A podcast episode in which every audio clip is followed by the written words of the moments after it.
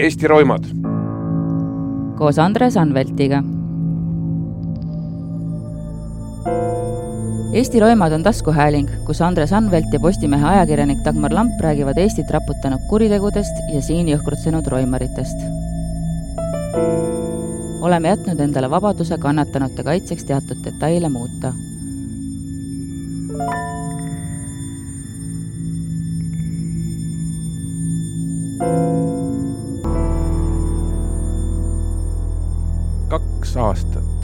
eelmise sajandi lõppu, septembris, sõitsid Tallinnast Pärnusse rongiga mitmed inimesed. kuid üks neist sihtpunkti kahjuks ei jõudnud. mis aga kõige kurioossem ja võikam, tema mõrva tunnistasid ja nägid pealt kümned inimesed, kuid mitte keegi ei sekkunud ja teavitanud ka politseid.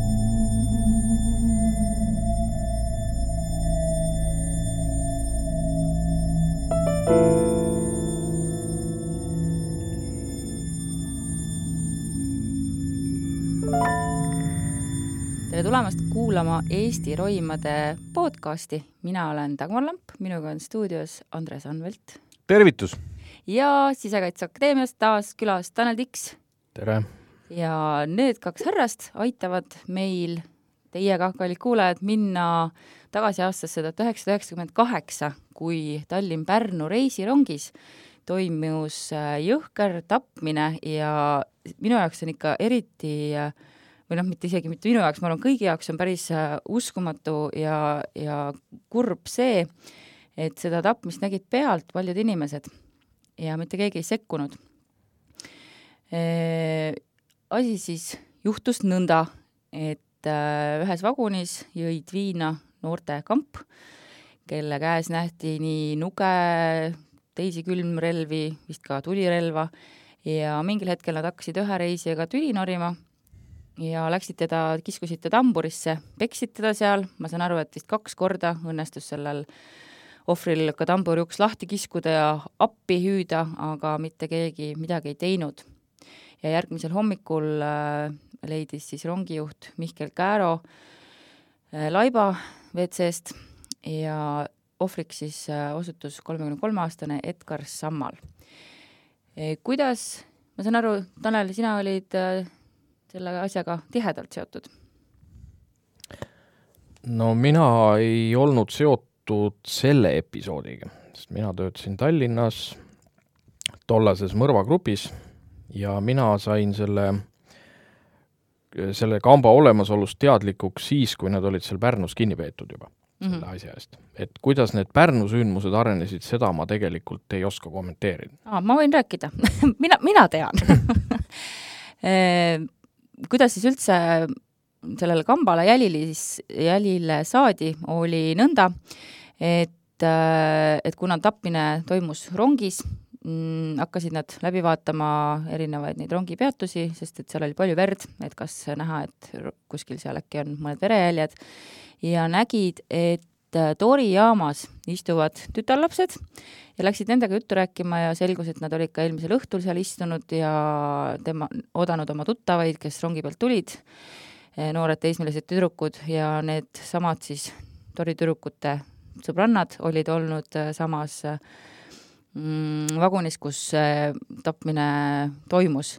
Ja sellest võib ju aru saada, eks ole, et teismelised tüdrukud, see on ikka päris hirmus, kui, kui sa sellisesse olukorda satud lõksu ja, ja ikkagi oli üheksakümne kaheksas aasta, siis ei pruukinud kellelgi üldse telefonigi kaasas olla või, või olemaski olla mobiiltelefoni. ja, ja politsei sai kätte kolm kamba liiget, kui, kui rongi pealt Pärnust Tallinnasse, sest et äh, kuidagi sealt äh, tütarlaste ütlustest tuli välja, et oli selge, et osad neist ei olnud äh, kohalikud pärnakad. ja nende kolme hulgas oli siis ka Aleksandr Šmõgin, kellest meie tänane saade on. ja Andres, sina, mida mäletad sellest, mõtle, muidu ma siin räägin kõik ära, mis toimus mina vaatan seda natukene teisest vaatevinklist kui ma siin mõni aasta tagasi või eelmine aasta olles veel siseminister, väga palju pidin selgitusi andma ja, ja tegelema ka õigustatult, see teema on noortekambad mis võis tekkida äh, inimeste teadvusesse kui midagi väga paha, mis on äh, esile kerkinud siin seoses, ma ei tea, kanutiaiaga ja ja internetiseerumisega ja vägivallaga, mida on kuskilt internetimängudest näha ja kõik nii edasi, siis see asi jahutab natukene. noortekambad on kahjuks alati olemas olnud, olemas olnud, nad on olnud jõhkrad ja seesama Šmõgini kamp on üks võikamaid näiteid sellest otseselt mina selle uurimisega kuidagi kokku ei puutunud. kindlasti ma olin teadlik eh, sellisest teemast, aga üheksakümne kaheksandal aastal oli väga selge tööjaotus juba olemas olnud, et et Keskkriminaalpolitsei tegeles ikkagi ainult nende kuritegudega ja ka mm, tapmistega, mõrvadega, mis on seotud organiseeritud kuritegevusega. aga Siin... kas noortekampa ei või kuidagi nimetada organiseeritud? no ma arvan seda, et Keskkriminaalpolitsei oma paarikümne inimesega, kui oleks tol ajal hakanud tegelema eh, noortekampadega, siis oleks jäänud eh, kõik keskturumõrvad ja paljud teised asjad avastamata. Sellepärast et on olemas ikkagi professionaalne organiseeritud kuritegevus ja teine on selline pätid, pätid, ehk mina ütlen, et ettearvamatud pärdikud, kes jooksevad ühe sellise alfa isendi järgi ja proovivad siis oma arhitektuuri seal kambas üles ehitada ja see on hea näide sellest. teine asi kindlasti, mis selle asja puhul mul meelde tuleb ja tookordselt ikka, too, tol ajal ikkagi politsei äh, Äh, Keskkriminaalpolitsei asedirektorina, äh, siis kindlasti me sellisele asjale kõigepealt oma pilgu pöörasime, et kas see võib olla seotud äh, mingite teiste sündmustega, kas see võib olla, kunagi ei tea ju alguses, et kas see laip, mis leitakse rongis, on surnuks pekstud, kas, mis see põhjus võib olla, eks kas on äkki ka seotud äh, näiteks mingite kuritegeliku maailma arvete õiendamistega, no see äh, sai väga ruttu selgeks, et äh, seda ta ei olnud juba selle kannatanu taustast tulenevalt küll. kindlasti ma sellest ajast ka mäletan, et minu jaoks oli eriti võigas, nii nagu sa ka ise ütlesid, seda sõna väljendasid, oli see, et inimestel oli täielikult ükstapuha nad nägid sisuliselt juba agoonias äh, appi kutsuvat äh, kannatanut, võimalusi on palju, isegi kui mobiiltelefoni ei ole, siis tõmba hädapidurit selles rongis, pane rong seisma. Ma arvan, et äh, kellelgi ikka võis olla seal see mobiiltelefon, üheksakümne kaheksandal aastal oli just see kõige suurem äh, Nokia aeg oli Nokia aeg. Äh,, aga isegi see, et, et inimesed tulid rongist maha, isegi siis keegi ei teadnud, sest leidis ju järgmine päev. See näitab ikkagi sellist ühiskonda, kuhu tagasi kindlasti tahaks mingil juhul pöörata ja ma arvan, et tänasel päeval ka selline asi ei oleks võimalik, et tänasel päeval keegi haaraks kohe telefoni ja hakkaks keegi filmima. filmima seda muidugi jah, aga no vähemalt siis see film jõuaks kuhugi edasi. kusjuures ma ise kui ma püüan nagu ette kujutada sellist situatsiooni, siis ma saan aru sellest hirmust. mulle, kuigi ma olen noorena samamoodi kuulunud kampa, sest see on teismelistele minu arust väga-väga omane, et sa hakkad nagu oma vanemate vastu mässama ja leiad siis äh, sellised inimesed, kellega koos hängida ja, ja ega see minu Tartu kamp seal kah oli seal igasuguse taustaga inimesi, aga, aga ma ikkagi nagu nüüd täiskasvanu ja normaalse inimesena ma pigem nagu pelgan, samamoodi tänaval kuskil, kui ma näen mingit sellist lärmakat olukorda, siis ma pigem nagu väldin neid olukordi, aga kui sa oled nagu rongis sees, siis jah, võib-olla isegi kui sa nagu kangestud ja ei julge sekkuda, siis kas või jah, pärast, kui sa on, oled kuskil turvalises kohas, helista, tee midagi Muidugi. või kui pätid tõmbavad rongist jeed, siis kohe kuhugi helistada ja see on üks kindel reegel, Dagmar, et ega inimene ei tohigi ennast eh, panna ka riski see on arusaadav, aga sul on mitmeid võimalusi, äh, kuidas seda riski vältides ikkagi teada andma. ma rõhutan veel kord, äh, leidis järgmine päev rongi üle vaadanud rongijuht kuigi loogiline oleks see, et kes läks veel käsi pesema, ega ta muidu võib-olla täpselt või... niimoodi, oleks leidnud võib-olla siis tagasiteel olnud, võib-olla ta oleks sõitnud siiamaani seal, kuni see Pärnu rong kinni pandi nüüd ju siin kuu aega tagasi.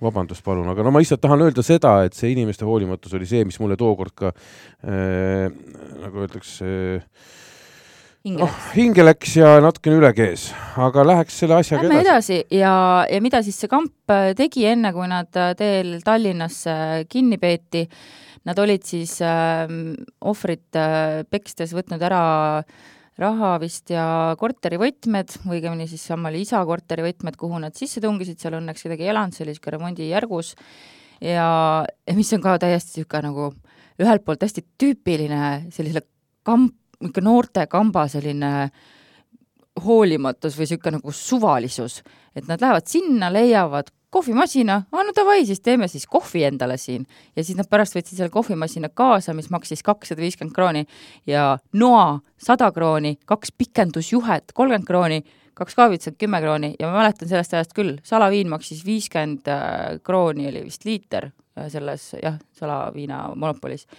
nii et äh, see kõik näe-, näib minu jaoks välja kui selline, et viime need kuskile äritsema maha ja ostame viina pärast kolmsada üheksakümmend krooni, noh selle eest saab juua küll juba ju. aga noh, niisugune nagu nii mõttetu, nii hullult mõttetu tegevus, mine tööle, teeni see raha endale. oi jumal, aga Okei., aga Šmõgin oli kaheksateist, kodakondsuseta, mittetöötav pärnakas. ja, ja siis saatest Eluaegset taas äh, kirjutasin välja uurija Peeter Paisuotsa tsitaadi, kes meenutab siis Šmõginiga kokkupuutumist. ta oli hästi viisakas, korrektne, nägi hea välja, soliidne, võiks isegi öelda intelligentne kui satuks temaga ühe laua taga istuma, siis ena- enamus selle seltskonna prouasid ütleksid, et oi, milline kena ja viisakas noormees. nii, aga Tanel, kas nüüd sina lõpuks jõuad asja, asjasse, kui ta oli Jaa. kinni peetud, need äh, kamp saadi vist päris ruttu kõik kätte, aga ülejäänud liikmed. vist nii oli jah, et see oli seal Pärnus toimus kiiresti. Ja neid istus seal kinni äh, päris, ma mäletan, et neid võis olla üks viis-kuus tüüpi.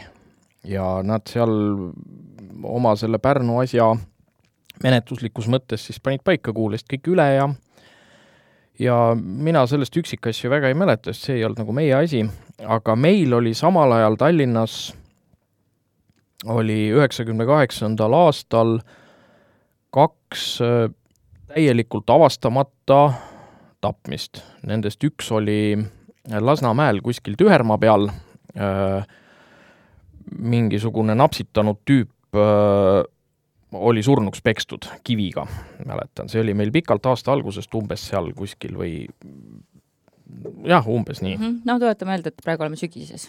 jah, et see oli kuskil aasta algusest, noh eks meil oli neid veel seal, tollal oli ju tapmisi ikka oluliselt rohkem, aga meil oli just värskelt üheksakümne kaheksanda aasta sügisel oli üks asotsiaal, kes elas Filtri teel mingisuguses mahajäetud hoones ja see oli värskelt just toimunud tapmine, kes oli kirvega surnuks pekstud.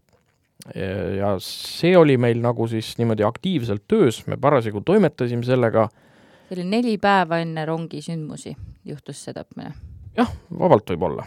Et äh, ma mäletan seda, et ühesõnaga mina sattusin selle Šmõginiga kokku tänu nendele kahele tapmisele, et äh, mäletan väga hästi seda filtritee oma, ma arvan, et see laip leiti nädalavahetusel äkki sündmuskohal, ma ei käinud, mina käisin esmaspäeval siis surnukuuris, ma nägin seda laipa seal. üks detail, mis mul meelde tuleb, on see, pärast käisime seal tema elukohta ka vaatamas, aga üks detail, mis mul meelde tuleb, oli see, et teda oli kirvega löödud ülevalt alla, noh niimoodi, need olid äh, kolba ja näokolju siis eespool kõik, et ta oli ilmselt selili maas olnud, kirvega oli löödud ülevalt alla ja viisteist, kakskümmend korda issand jumal. viisteist, kakskümmend korda, seda ei tohiks nagu olla, eks ole, see on ebaloogiline. aga siis surnukuuris olles, siis ma mäletan seda hetke, kuidas tollane kohtuarst äh, näitas mulle seda kodutu koljuluud ja see koljuluu oli kaks, kaks pool korda paksem kui keskmisel inimesel. lihtsalt looduse poolt, keegi ei tea, miks, vot ta oli sellisena uskumatu. ta oli sellisena loodud, et selleks, et teda kirvega maha lüüa, läks tõesti väga palju energiat vaja. ja jah, ja ma mäletan seda, et ta esimese korraga ju ei surnud, see oli niisugune äärmiselt piinaval viisil toimunud, et see laip või noh, see kodutu jäi sinna siis, jäi sinna siis vedelema, siis Šmõgin tuli arvatavasti isegi järgmine päev tuli ta tagasi sellesama noortekambaga ja siis vaatas, kurat, see on elus. ja siis tampis ta lõpuni seal. et noh, see enam jalga alla ei võtnud, et noh, ta piinles arvatavasti või noh, võib-olla oli siis teadvuseta, eks ole, et ta, et ta vedeles seal maas umbes kakskümmend neli tundi issand, kui kohutav. kirvehaavadega. Ja noh, sellise tapmise puhul see oli tõesti selline puhas äh, prefektuuri mõrvagrupi asi, et äh, Keskkriminaalpolitseil ei olnud seal tõesti, see ei olnud nagu nende ampluaa ja ja siis sellise tapmise puhul on alati kaks varianti, üks on poisikesed, nagu ta antud juhul ka oli, ja teine on siis teised asotsiaalid, eks ole. Neid teisi asotsiaale me seal äh, noh, küsitlesime kõiki, see filtritee seal, noh, praegu on seda juba, kes mäletab, see mäletab, praegu on seda juba raske leida, seda kohta, sest noh, kõik on ümber ehitatud, seal on see läbimurre, eks ole mm. -hmm. kuskil seal, ühesõnaga vanasti sel ajal oli siselinna kalmistust siis kuni sinna, noh, kus Espak on sinna, oli üks niisugune suur tühermaa mm. -hmm. ja seal oli, see oli hästi äh, laipade rohke tühermaa üheksakümnendatel, see meeldis igat masti kurjategijale, Ustimenkol oli ka üks, see taksojuht oli seal filtritee otsas, eks ja seal oli veel sündmusi meil igasuguseid. ja see oli selline hästi noh, loogiline koht, et seal oleks palju sündmusi, sest ta oli tühermaa, pime koht, ilma valgustamata, samas täitsa kesklinnas, eks ole, et seal oli tupik võimalik filtri teelt nagu tulla ja siis jalgsi pääses sinna veerenni poole.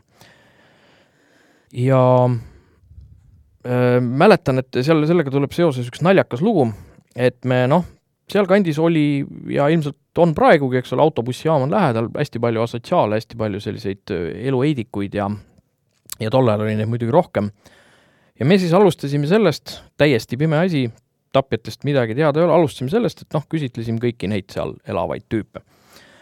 ja siis meil sattus ette, mm, praegu on seal juba kõik ümber ehitatud, aga noh, bussijaama taga kaks asotsiaali, no seisid, jõid midagi seal sügisese päeva õhtul niimoodi ilusti, me läksime Lubjast, jalutasime välja, jala käisime seal, rääkisime kogu piirkonnas. Teil ka ei olnud autot nagu Tenet? ei, oli küll, aga me tegime seda meelega, meil oli, see oli jalutuskäigu äh, kaugusel. täpselt, seal on üks, kaks, kolm valgusfoori vaja ületada. jah, see oli kõik jalutuskäigu kaugusel, me ilusti läksime õhtul, õhtusel ajal sealt Lubjast välja ja äh, vaatame, kaks asotsiaali joovad seal, noh, meil oli see tapetu pilt siis nii, nagu ta oli ja läksime siis juurde, et noh, küsisime dokumenti ja üks näitas dokumenti, teisel ei ole. ja selle tüübi nimi oli, tema eesnimi, ta oli poolakas rahvuselt, see, kellel ei olnud. ütlesin, mis nimi on siis? ja tema eesnimi oli Juudik. Juudik. ja küsin, noh, dokumenti pole, mis nimi on Juudik? ütlesin, kuule, me näeme, et sa joodik oled, aga noh vot selline lugu. et et jah, juudik tuli välja, Poola pärit, poolakatel on selline eesnimi, niisugune asi. Ei no ma kujutan ette, et ka oma kogemust mäletan, et ega eh, uurimiste puhul, seda võib, peabki siin ütlema, et ka kõigile kuulajatele, eh, politseinik satub oma eh, töö jooksul väga paljudesse karmidesse olukordadesse, aga ka väga paljudesse olukordadesse, kus tegelikult on ka seda huumorit ja need üksteist tasakaalustavad, nii et andke kuulajad andeks, et saaksid aru. politseinik ei käi morni näo katkis alussärgiga paljajalu nagu Die Hardis. see elu on palju mitmekülgsem, nii et, et kui me siin teinekord ka naerame, siis selline see elu on, aga ma küsin siia veel, enne kui sa küsid, öelda veel seda, et teine asi on ka see, et huumor on asi, mis aitab hakkama saada selliste. Rõvedate asjadega ka, millest me siin räägime, et see pole kindlasti mõeldud kuidagi ohvritele nagu halvasti. no ma saan aru, et äh, härra Juudik ei ole ka ohver. Juudik, elu, elu. ta oli võimalik tunnistaja, aga sinna, sinna ta ei jõudnud ja naudib ja loodame, et naudib elu eda-, edasigi, kas siin või kuskil teisel pool äh, Poola piiri. aga ma küsin, Tanel, sult sellise asja äh, lihtsalt äh, kas, kuidas oli nüüd see sündmuste ahel? Šmõgin ja tema punt istub Pärnu arestimajas. Teil on tegelikult äh, juba selleks hetkeks oli kaks pimedat mõrva, eks ju. Kuidas tekkis nüüd see infovahetus, kas teiega võeti ühendust, öeldi, et meil on mingisugused sellised tüübid, kas tuli mingi operatiivinformatsioon? Või teie ise tundsite äh, huvi just nende, selle teise versiooni liini ehk alaealiste osas ja saite, hakkasite panite tähele, et Pärnus on mingisugused sellised grotesksed äh, ka kaagid kinni püütud? kui ma nüüd õigesti mäletan, siis see oli sedamoodi, et, et mingisugune meie siis noh, tänapäeva mõistes mingi grupijuht või kes meil oli seal, et see suhtles pärnakatega. ma väga tahaks öelda, et see oli nüüd minu initsiatiiv, et mina need otsad kokku panin. aga ütleme, et sina olid. aga jah, ei saa, tõele peab au andma, et minu juurde tuli minu siis ähm, otsene ülemus, noh, kes meil seal see mingi grupijuht oli tänapäeva mõistes, tollases ka, ja ütles, et kuule, Pärnus on mingid niisugused tüübid, kes tegid niisuguse asja, point oli selles, et need, ma ei, enam ei mäleta, Šmõgin oli, kui, kui ütlete, et ta oli Pärnust, siis siis ta sealt oli, aga, aga tal oli Tallinnas ka mingi elukoht või midagi. ja see ülejäänud kamp oli kõik Tallinna väiksest. Need elasid seal, noh, juurdeveo ja mis need tänavad on seal, ülejäänud, noh, enamus olid ju alaealised peale tema. ja keegi, ma arvan, et see oli meie tollane see grupijuht, kes, kes siis tuli geniaalsele ideele, et neid tüüpe peaks nagu kuidagi kontrollima loogiline. ja äh, Aare oli tema nimi, saadan talle siinkohal tervisi, ja, ja seda ma mäletan kindlalt, et tema tuli minu juurde ja ütles, et näed, helista Pärnusse, seal on niisugune, niisugune mees, ma ei mäleta, kes iganes see siis oli, ja räägi, seal on kinni peetud noortekamp Tallinn väiksest, noh, kuna Tallinn väike on ju tegelikult jala minnes kohe seal no, muidugi, ümber nurga, nagu öeldakse. jah, sealt, sealsamas, eks ole. Ja siis järgmine hetk mina helistasin Pärnusse, rääkisin jah, need ütlesid jah, on tõenäoline, et niisugune värk, rääkisime paari sõnaga seal neid asju, no järgmine hetk oli juba see, et äh, sõitsime, võtsime pundi kokku, sõitsime Pärnusse. mitte rongiga ikka. ei, autoga jah. ikka anti siis. mind võeti hommikul Sauelt peale veel, mäletan. ja ilus tööpäeva algus oli, sellepärast et ma sain kauem magada. Äh, nii, ja siis te saite Šmõginiga kokku, te hakkasite, oota, aga Juudik, see liin lõpeb siin ära, et Juudik ei saanud midagi öelda? Juudikule ma lihtsalt ka saadan siinkohal tervisi, kus iganes ta on, see oli lihtsalt niisugune naljakas lugu, aga kusjuures Mhm, Juudik oli tegelikult selle tüübiga tuttav, selle teadnud tapetuga. Mhm. et ta oli noh, ta sealsamas tolgendas, eks ju, seal, kus see, see elas ju pidevalt seal oma selles mahajäetud hoones seal Filtri teel. Ja Juudik oli temaga tuttav, Juudikust oli tegelikult väga palju abi, et, et Juudik ja mõned veel, kes teda teadsid, ütlesid, et ei, ta oli omaette, korjas metalli, korjas pudeleid, elas, kedagi ei torkinud ja, ja et noh, mitte mingisugust viidet sellele, et ta oleks teiste asotsiaalidega mingi tüli olnud, me nagu ei leidnud. see on väga oluline asi, sellepärast et tegelikult see on välistamine, see on ju negatiivne Loomulikult. tulemus on ju ka ne- positiivne. jah, et äh, mingi jutt vist oli veel, et äh, seal äh, noh, ta oskas teda kuidagi iseloomustada ja, ja kõik see, aga noh, põhiline jah, point oli see, et no asotsiaalid mitte midagi ütlesid, et ei, üldiselt äh, väga vähe tõenäoline ja polegi meil niisugust meest, kes nüüd kirvega surnuks taoks siin, et nad olid niisugused rahumeelsed. jaa nii, ja sõitsite Pärnusse, saite Šmõgini, kellega te enne rääkisite, sest et oli vist juba üsna selge, et Šmõgin on see ninamees. jaa, ikka need, seda mäletan kindlasti, ikka need äh, nagu kaasajooksikud või need ülejäänud liikmed. Ja noh, siis oli edasine oli juba lihtne, edasine oli see, et tuli välja, et üks või, või ei, ikka mitu vist isegi, nendest olid seal juba filtri teel olnud, noh, üks hakkas esimesena rääkima, siis teine, siis kolmas, nii et kui me Šmõgini juurde läksime, siis oli juba nagu, meil olid juba need tunnistused olemas. Seal oli alati noh, nagu see küsimus, et kui palju nad nüüd kaasosalised on ja kui palju nad, need millegi eest nagu vastutusele peaks võtma kedagi. ahaa, ma küsin vahele, et tähendab, et ka kuulajatele, ka mulle äh, ja kindlasti ka Dagmarile oleks kõik selge, tähendab selles mõttes, te läksite klassikalist teed pidi, et ennem siis need äh, kaasajooksikud või kamba lihtliikmed, ütleme, kes olid andnud tunnistusi juba sellesama filtri tee äh, tapmise osas. no ikka jah, tähendab need, kes seal Pärnus kinni istusid, et nendest hakkasin pihta ja siis Smõgin oli nagu ikkagi, ikkagi viimane, kuhu, ta oli nendest ikka kõige vanem ja Šmõgini läksime ikka siis, kui me olime teistega rääkinud juba jah. teistega rääkinud, eks ju, panite talle nagu öeldakse faktoloogia ette, et, jah, jah, jah, et kaliss, nagu venelased ütlevad, mine lõhki. ja ega ta, ega nüüd pead ei anna, kuidas seal oli, aga, aga ega ta nagu, noh, ma mäletan seda, et mingil hetkel ta ütles, et jah, tema tappis ja ja rääkis selle loo kõik ära, nii nagu oli, kaasa arvatud see, et järgmine päev läks ja vaatas, et elus ja, ja noh, niimoodi, niimoodi ta on. ja tappis ta ju, ma saan aru, ühesõnaga võtsid ära siis ka selle kogutud metalli, viisid ise Pääskülla ostu. vot mina seda ei mäleta, aga kui nii on kuskil kohtuotsuses, ju ta siis nii on. seda, seda mul meeles ei ole. Need summad jälle olid seal paarisaja kro kroonised, et äh, no see oli ilmselt see, et nii see Pärnu korter, mis nad seal varastasid, eks ju, Mhm. asju, kui, kui see oli ilmselt, noh, tapmine oli juba tehtud ja, ja siis, et mis näppu jäi, et noh, teeme selle ka siis rahaks, eks ole. mm, et eesmärk oli ikkagi, eks ta tahtis näidata, kui kõva mees ta on. ja selleks ajaks oli tal ju tegelikult üks tapmine juba all. et see Lasnamäe oma, mis oli aasta alguses, seda me ju ei teadnud, kas on või ei ole. aga kuidas te selle Lasnamäe omani siis jõudsite, et, et ma saan aru, et sealt nüüd rääkisite Pärnus ära, siis äh, läks inimene kohtusse. kas talle siis juba mõisteti kahe tuhandendal aastal, kaks aastat hiljem, siis ta sai kaheksateistaastase vanglakaristuse, aga, aga see oli siis ainult selle rongi tapmise eest? mul nagu kui niimoodi, no niimoodi võis olla. ei mäleta kohtuasju peast, ma mäletan Yes. seda, kuidas me temaga, temaga seal tegutsesime ja, ja noh, igal juhul oli nii, et ta selle filtritee oma, noh, kogu see kamp rääkis ära, jah, ma seal- ütlen vahele, et aasta hiljem oli siis äh, filtrite kodutu, kelle nimi oli Vladimir Kamõ-, Kamõnin.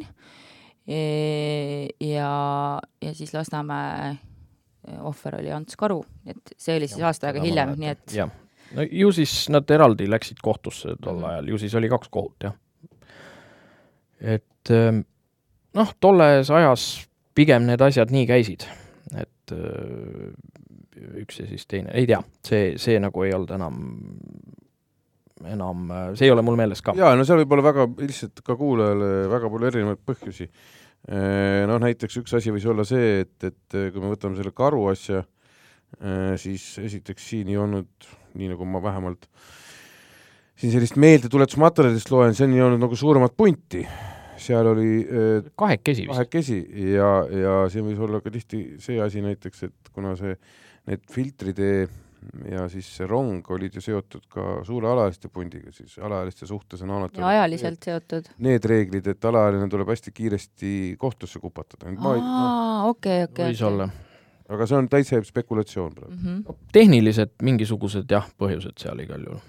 Aga siis selle Lasnamäe omaga läks ju veel aega, et ega me ju ei teadnud ka, et, et kas on tema või ei ole tema.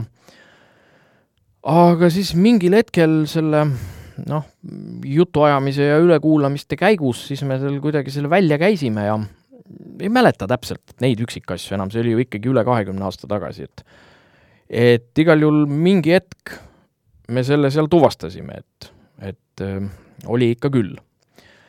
ja Šmõginiga tegelikult tuleb mul meelde selline huvitav detail, et noh, kui ma õieti mäletan, ta oli ikka niisugune suht tänaval üles kasvanud ja üheksakümnendatel veel. ja paar aastat varem oli ta ühte tapmist pealt näinud. ja võib-olla see, noh, puhas spekulatsioon, aga võib-olla see kuidagi mõjutas teda mingisuguses teismelise eas niimoodi, et ta siis esimest korda seal Lasnamäel ja, ja pärast oli juba töö selge, et ta siis tahtis ise ka proovida. Et, et ta oli, ta oli lihtsalt kuskil mingisuguses kriminaalses seltskonnas näinud pealt ühte sarnast asja. Mhm. ja ma, siin on jällegi, spekuleerime, aga no las me spekuleerime, seepärast meil on see õigus meie olemas. saade, ise teame. ja ma tahan öelda seda, et, et me oleme siin Taneliga nii palju elus neid tüüpe näinud, et me võime ka endale lubada selliseid äh, nimetame siis kriminoloogilisi põlveuuringuid. aga äh, see, mis sa, Tanel, räägid, on väga õige, kui tema alaealisena nägi pealt, eks ju, mingit tapmist, siis talle see avaldas muljet ja kui ta pärast, eks ju, alaealiste ees jälle sooritas oma tapmisi, siis ta kindlasti ju oma sees tunnetas sama tunnet, et tema avaldab muljet neile ilmselt. ja, ja tekibki see, et kui tema jaoks need inimesed, kes tema juures tapsid, muutusid kindlasti autoriteetideks, sest nad suutsid ületada selle äh, nii-öelda punase joone, siis ületades alaealiste ees jälle seda punast joont, siis need alaealised, ma kujutan ette, on valmis tema jaoks ükskõik mida tegema. ükskõik äh, kuhu minema vargile äh,, tooma talle midagi ja, ja teeni-, teenindama teda ükskõik mis tasemel või ükskõik kus kohas aga räägime natuke siis sellest äh, Lasnamäe juhtumist ka, mis siis äh, enne septembrikuu sündmusi äh, talvel. Purju Šmõgin märkas siis koos sõber, sõber Fjodor Mihhailoviga Narva maantee Mustakivi tee ristmiku lähedal Tühermaal tuigerdavat napsitanud Ants Karu, kes oli külas käinud oma õel. Ja Šmõgin ja Mihhailov otsustasid teda röövida, ründasid, loppisid kividega, karu kukkus ja seejärel võttis Šmõgin maast kivi ja lõi ma-, lamavale mehele sellega mitu korda pähe. rööviti kaheksakümmend kuus krooni, pass ja maapanga kaart. ja taas siis leiba leidis juhuslik mööduja. et äh, see Tühermaa värk äh, Šmõgile nagu meeldis, tundub. nojah, eks see oli selline tänaval üles kasvanud tüübi noh, sellised uitamised kuskil, et ta oli seda ilmselt lapsest saadik teinud, kui ma nüüd noh, õieti mäletan ja selliseid, selliseid kuritegusid oli ju tol ajal palju tegelikult, noh, igast tavaliselt, enamus neist ei lõppenud surnuks peksmisega, et see oleks olnud ka tavaline tänavarööv. noh, hea öelda, tavaline tänavarööv, eks ole, aga no see oli üheksakümnendatel täiesti tavaline, et Äh, napsise peaga kuskil vales, valede inimestega sattusid vastamisi ja siis sa lihtsalt saidki kolakat ja, ja võeti sult kõik ära, mis sult võtta oli. noh, Šmõgin antud juhul siis läks kaugemale, et see ei olnud tavapärane, et siis peale seda see maas lamav kannatanu kiviga surnuks peksta. aga, aga noh, see oli, selliseid asju juhtus aga kui sa Šmõginiga rääkisid, äh, teda üle kuulasid, kas äh, sa nõustud Paisuotsa hinnanguga, et ta oli pigem niisugune intelligentne tüüp isegi võib-olla või noh, et jättis niisuguse mulje, ütleme nii siis? intelligentne ma ei oska öelda, mäleta enam ka väga, aga ta oli, suhtles viisakalt ja ja sai kõigest toimuvast aru, seda kindlasti. et aga kuidas ta käitumine oli eeluurimisel, kas selline tüüpiline jälle, et alguses räägib ära ja pärast hakkab siis kõike eitama ja ajama kambajõmmide kaela või politsei kaela, kes talle videot ette näitas, kuidas tapeti ja nii edasi, nagu nüüd legende on olnud? Vot ei tea, mis ta seal kohtus rääkis, aga meil ta küll, meil ta küll, niikaua kui mina teda nägin, meil ta küll midagi ei eitanud. Paisots saates eluaegselt väitis, et ta äh, oli küll niisugune pendeldas, vahepeal ajas enda kaelast ära, vahepeal võttis kõik, tahtis ka võtta oma kaaslaste kuriteod enda Võis kaela.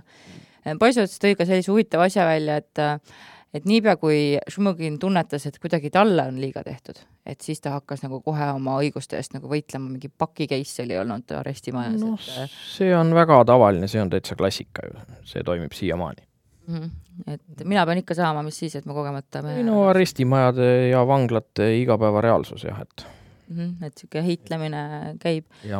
no ma lihtsalt täiendan siin, et siin on üks asi ju, kui sa oled veel, kui sa oled, no kujutame ette nüüd, sa oled üles tunnistanud, sa oled suurema pundi liige, eks ju. ühtepidi sa tead seda, et et eh, sinu autoriteet tänu sellele võib vanglasse minekul olla palju suurem, sul on mitu tapmist, eh, sa oled juhtinud punti ja siis läheb aeg edasi ja siis sa hakkad suhtlema jälle kellegagi seal vanglas, mitte uute öö, oma tuttavatega, kes on võib-olla kogenumad, tuleb sulle ka advokaat, sosistab kõrva, ütleme, sinu versioone ja sa hakkad seda kõike ümber lükkama. et see on nagu iseenesest, see on nii igapäevane, sa hakkad mõtlema seda, ahaa, et aga mikspärast, ma tean, seal näiteks oli kümme inimest mm. -hmm.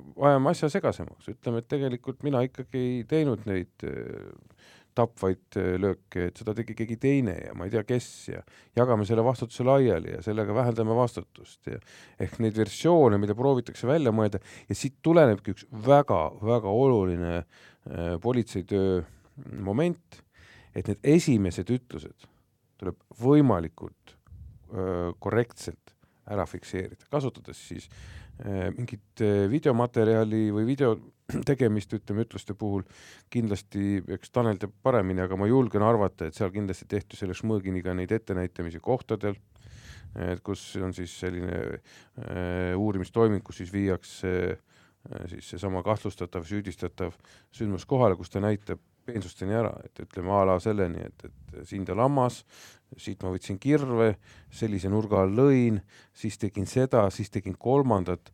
Kui ta sellised asjad on ära fikseeritud, siis kohtus on või üldse eeluurimise käigus on pärast pea võimatu hakata tagasi võtma neid, sest sa oled sündmuskohal mm. -hmm. no täpselt, sa oled sündmuskohal näidanud peensusteni ja kui seda kinnitab näiteks kriminalisti jutt, et jah, löök tuli selle külje pealt, siis ei ole sul äh, enam mitte midagi teha mm. -hmm.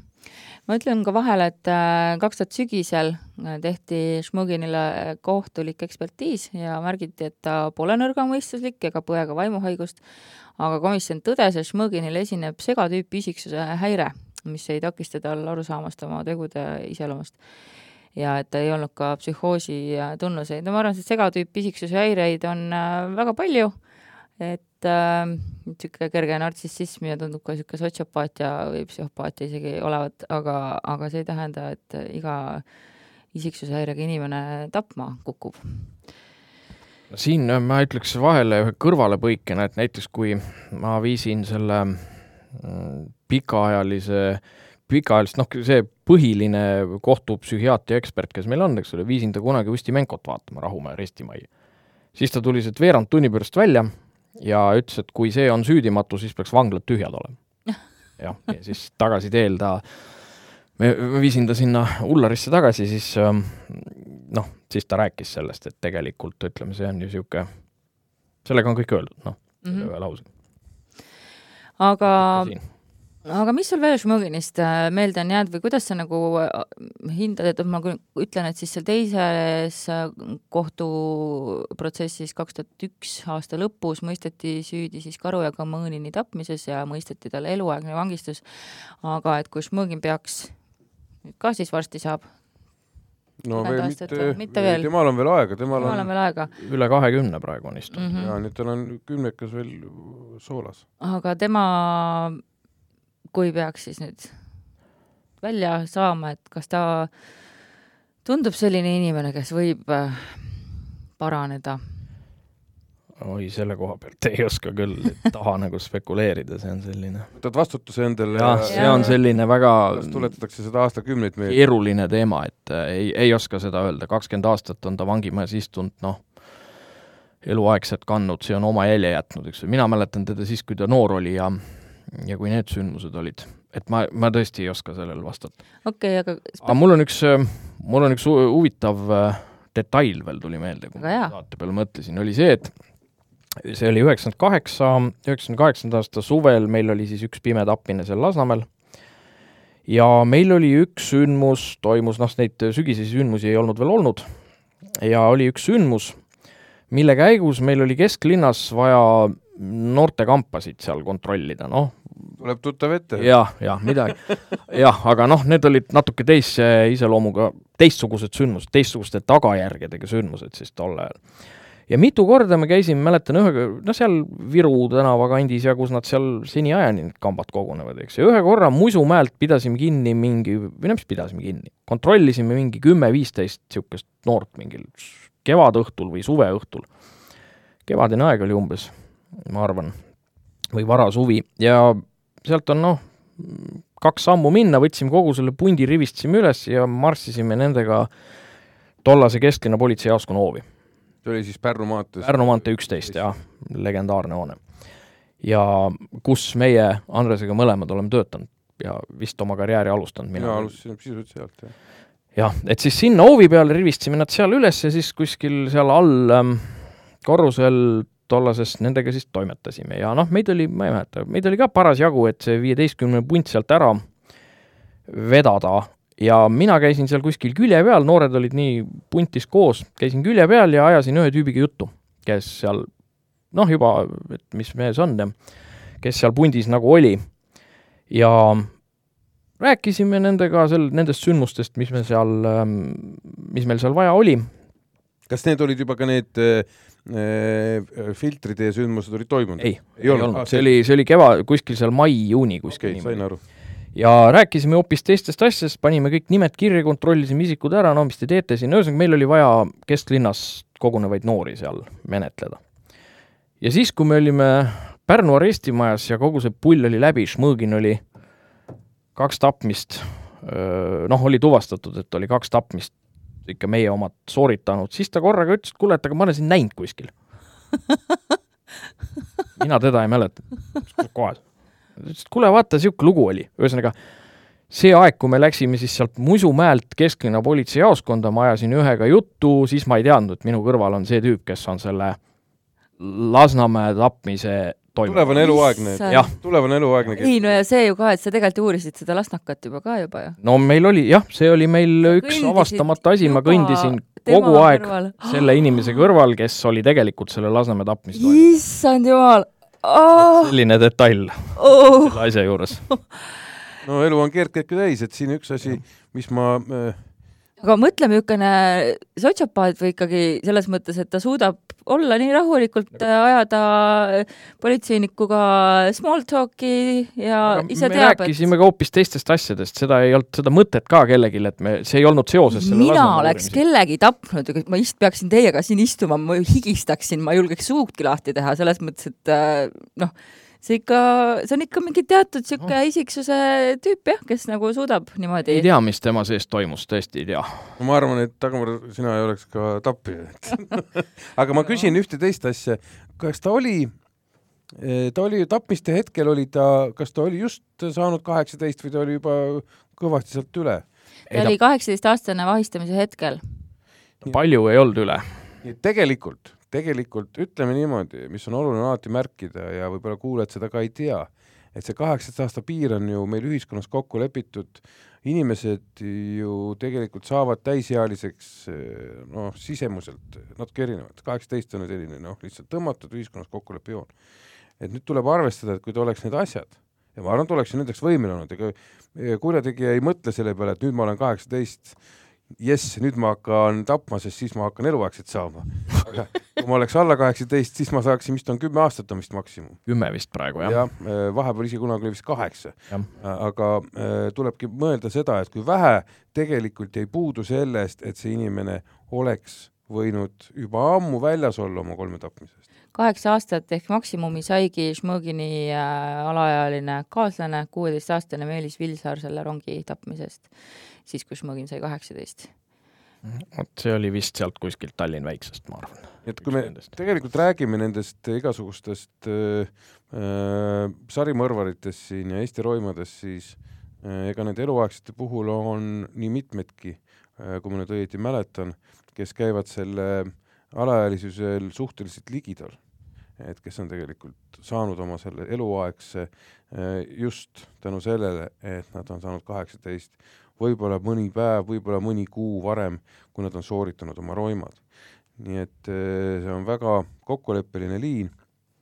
ma arvan, et siin tulevikus võib-olla meil tasuks ka rääkida äh, mõnedest, kes on ei ole kaheksateist täis saanud, aga on võib-olla olnud isegi vaata teema Šmõginile silmad ette. erakordselt jõhkrad. Jah, sellised saated meil loodetavasti veel äh, tulevad. Tanel, kui nüüd see, me veel võtaks selle asja kokku, et äh, et äh, ei teagi, ma ühest küljest ma tahaks nagu küsida, aga ma tean küll, mis sa vastad, sa ütled, sa ei taha spekuleerida. ma tahaks nagu küsida seda, et, et kas Šmõginist, noh, kui ta on tänaval kasvanud, et kui tal oleks olnud mingi toetusvõrk äh,, perekond äh,, et ta ei oleks seal kampades olnud, et, et miks läheb niimoodi või, või ühesõnaga, ma just mõtlen seda, et ma olen ka kampades hänginud, ma ei ole kedagi tapnud, et kuidas nagu see, et kas saab midagi teha? mida näiteks mina emana peaks tegema, et minu lapsest ei saaks mm.? jah, vot see on küll keeruline küsimus, et äh, jah, kui siin küsiti, et äh, kus see, kuidas juudikuga asjad käisid kus seal see elukoht täpselt oli, siis sellele ma oskasin vastata, aga aga noh, ei tea. sa oled kindlasti mõelnud sellele oma töö käigus? ma olen mõelnud, aga no praegu on ju aeg ikkagi natuke teine. et mm -hmm. praegu, no ei ole see aeg enam, et kui tollal oli, ütleme, tavaline tänavarööv, selline, kus ikka peksti jõhkralt inimene läbi selleks, et rahakotti röövida ja mingisuguseid asju veel, võib-olla nahktagi, kui see oli nagu reaalsus, see oli igapäevane selline noh, tavapärane, noh, nagu, nagu tänapäeval öeldakse, masskuritegevus, eks ju, see käis ka sinna alla. siis tänapäeval ju ei ole, et see ühiskond on ikka õnneks palju vähem vägivaldne, kui ta ka siis rikkam oli. tõenäoliselt.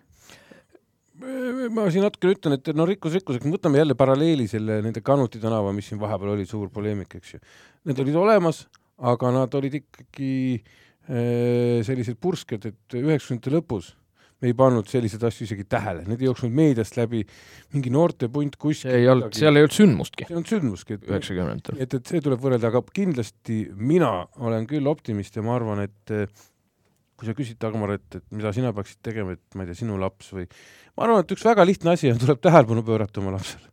ja, ja oma lapse tegemistele, olemistele tähelepanu pöörata, tänapäeval on meil ka teistsugused sotsiaalsüsteemid, nad ei ole kindlasti sellised veel, mida me kõik rahul oleksime, aga no neid programme noh, äh, ma siin endise poliitikuna julgen öelda seda, et kõik need näiteks Ida-Virumaal noortele äh, need erinevad programmid, kus äh, noored, kes on sisuliselt tänavanoored, kes on kokku puutunud narkootikumide ja, ja ka sellise puntlusega tuuakse teistmoodi punti, tehakse jalgpallitrenne näiteks, nad käivad jalgpallitrennides, nendel on siis vaba aeg sisustatud mm.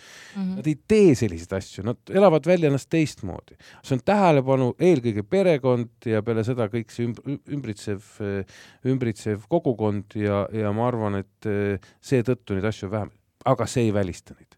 Tuleb arvestada, et ikkagi mingi osa inimesi, esiteks, nad ei saa seda tähelepanu, seda ei ole üheski ühiskonnas, äh, ja, ja teine asi on see, et, et noh, seda me võime siin spekuleerida, aga ma arvan, et see on tulevikuteadlaste asi, et eks siin midagi, midagi käib ka mööda ja seda geneetilist koodi ja nii edasi, et, et seda on ka tõestatud, on olemas need erinevad, nagu öeldakse, kurjuse ja viha äh, geenid, aga noh, küsimus on selles, kas nad hakkavad domineerima inimeses või nad jäävad kuskile sissepoole, nii et, et ma arvan, et tänapäeval oleks kindlasti Šmõgini taolisel tänavapoisil või sellel pundil rohkem võimalusi ära pöörata äh, ennem kui no, täpselt niimoodi kuskile Pärnu rongi peal istuda, noh, teine võimalus on Pärnu rong äh, kinni panna, mis on ka tehtud jah, tänapäeval sellist tapmist enam toimuda ei saa sellises kohas, seal pole rongi enam.